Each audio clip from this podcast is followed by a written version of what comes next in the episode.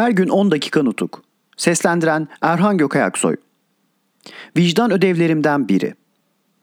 Baylar Yahya Kaptan'ın öldürüldüğüne kuşku kalmamıştı. Bu gerçek bilindikten sonra öldürtmüş olan hükümetin yasal kovuşturmaya girişmiş bulunması cinayeti işleyenlerin meydana çıkmayacağına kanıt değil miydi? Ama baylar zaman her şeyin, her gerçeğin, tarihin özdenlikli kucağında incelenmesini sağlayacaktır. Saygıdeğer baylar, hükümeti ve İstanbul'daki örgütümüzün başkanlarını böyle çirkin bir cinayetin işlenmesine aracı olmaya sürükleyen nedenlerin ve etmenlerin incelenmesiyle gerçekten ders alınmaya değer sonuçlar çıkacağına inandığım içindir ki dıştan bakılınca önemsiz gibi görülebilecek olan bir olayı kanıtlara ve belgelere dayanarak açıkladım.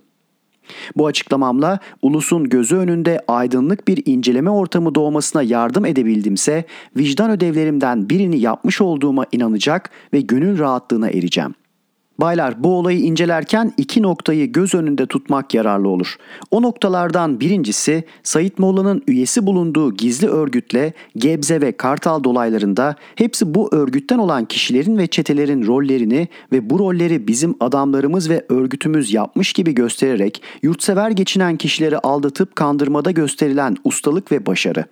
İkincisi İstanbul örgütümüzün başkanları bize heyet temsiliyeye bağlı ve onun yönerge ve bildirimlerine uygun iş görmekle yükümlü bulunuyorlardı ve ancak bu yükümlülüğü açık yürekle yaparak genel amaç yönünde tam uygunlukla yürümenin en büyük olasılık olabileceğini kabul eylemeleri gerekirdi.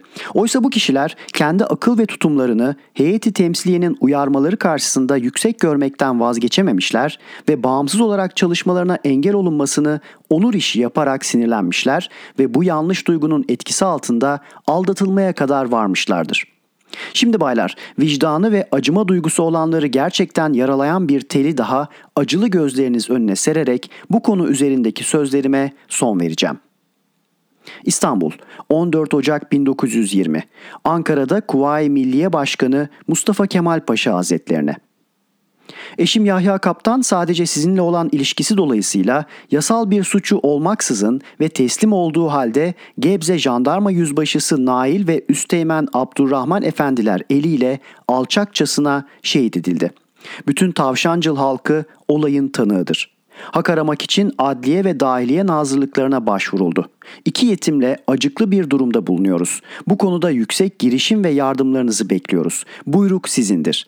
Kara Gümrük'te Keçeciler'de Karabaş Mahallesi'nde 19 sayılı evde oturan Yahya Kaptan'ın eşi Şevket Hanım. 1919 sonbaharında karşılaştığımız başka bazı olaylar.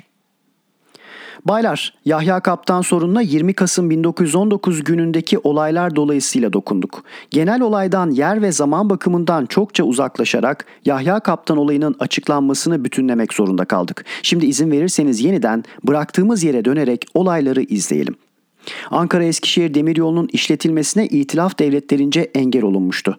Bu yolun işletilmesi için itilaf devletleri temsilcilerine sert bir protesto notası verilmesi 21 Ekim 1919'da Ankara Merkez Kurulu'na bildirildi. Adana örgütü kurucularının Niğde'ye ya da Kayseri'ye gelerek bizimle görüştükten sonra çalışmalarını sürdürmeleri sağlandı. Aydın cephelerinde durum her gün güçleşmekte ve ağırlaşmakta olduğundan Salih Paşa ile Amasya'da kararlaştırdığımız üzere donanma cemiyetinin 400 bin lirasının bu cephelere verilmesini Harbiye Nazırına yazdık. Bu cephelerde savaşanlara silah ve cephane verilmesini, cephenin makineli tüfek ve topçu birlikleriyle desteklenmesini Konya'daki 12. Kolordu Komutanından rica ettik. Baylar, Fransızlar Bandırma Soma demiryolunu sözde denetlemek için Bandırma'ya bir birlik çıkarmışlardı. Güvenliği çok iyi durumda olan Bandırma'ya asker çıkarmaya hakları olmadığı apaçıktı. Bu noktaya 24 Kasım 1919'da 14. Kolordu ve 56. Tümen komutanlarının dikkatlerini çektik. Yabancı subaylar Aydın cephelerinde dolaşarak propaganda yapıyorlar ve durumu anlıyorlardı. Bu gibi subayların cephedeki birliklerle ilişki kurmalarına meydan verilmemesini ve resmi olarak hükümete başvurmalarını, eğer Kuvayi Milliye için bir söyleyecekleri olursa merkez kurullarımız aracılığıyla bize başvurmaları gerektiğinin kendilerine bildirilmesini, propaganda yapanlar bulunursa göz altında bölgeden çıkarılmalarını ve kesin zorunluluk olursa cephede görülecek itilaf askerlerine karşı da silah kullanılmasını cepheye bildirdik. Baylar biz İzmir halkının da eylemli olarak seçimlere katılmasını sağlamak istiyorduk ve o yolda çeşitli araçlarla isteğimizi duyuruyorduk. Fakat Yunanlılar elbette buna engel oluyorlardı.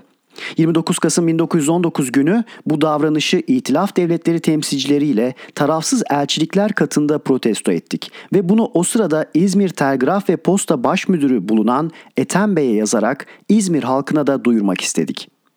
Baylar belki birçoklarınızın hatırındadır. Adana işgaldeyken orada Ferda adında Kuvayi Milliye'ye karşı bir yabancı gazete yayınlanıyordu. Bu gazete yalnızca Anadolu halkını aldatmak ve yanlış yola sürüklemek amacıyla çıkıyordu ve sütunları bizi kötüleyen uydurma sütunlarla doluydu. Elbette bu gazetenin Anadolu'nun içerlerine sokulmasını yasak ettik.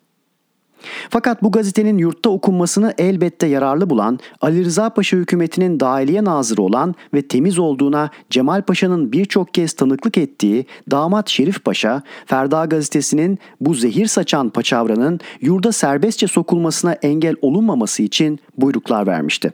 Bundan dolayı Şerif Paşa'nın arkadaşı Cemal Paşa'nın 3 Aralık 1919'da dikkatini çekmeyi gerekli bulduk.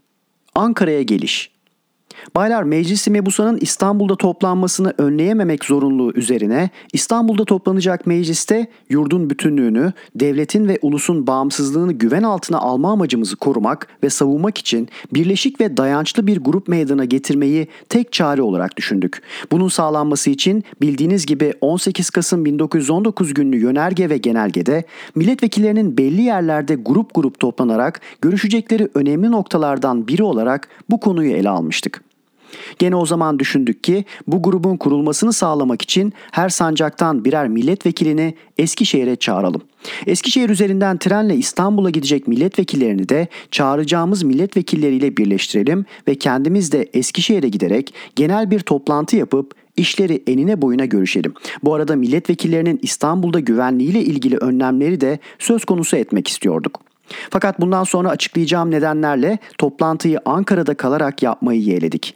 Daha bir ay kadar Sivas'ta kaldıktan sonra artık Ankara yolunu tuttuk.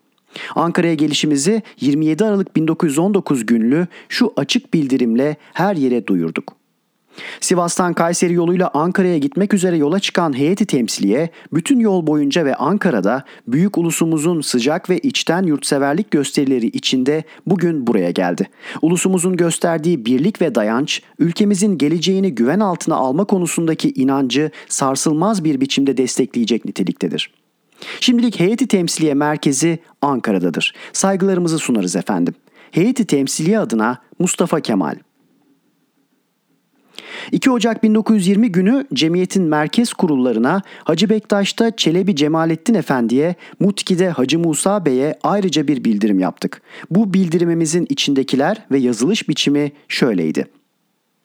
Yolculuğumuz sırasında görüp incelediklerimiz bizlere gerçek koruyucu Ulu Tanrı'nın yardımıyla meydana gelen ulusal birliğimizin dayanağı olan ulusal örgütün kök salmış ve ulusun ve ülkenin geleceğini kurtarmak için gerçekten güvenilir bir güç ve erk durumuna gelmiş olduğunu sevinçle gösterdi. Dış durum bu ulusal dayanç ve birlik yüzünden Erzurum ve Sivas Kongresi ilkelerine göre ulusa ve yurda elverişli bir şekle girmiştir. Kutsal birliğimize dayanç ve inancımıza güvenerek yasal isteklerimizin elde edileceği güne değin direnerek çalışılması ve bu bildirimimizin köylere varıncaya dek bütün ulusa duyurulması rica olunur. Anadolu ve Rumeli Müdafaa Hukuk Cemiyeti heyeti temsiliyesi adına Mustafa Kemal. Her gün 10 dakika nutuk. Seslendiren Erhan Gökayaksoy.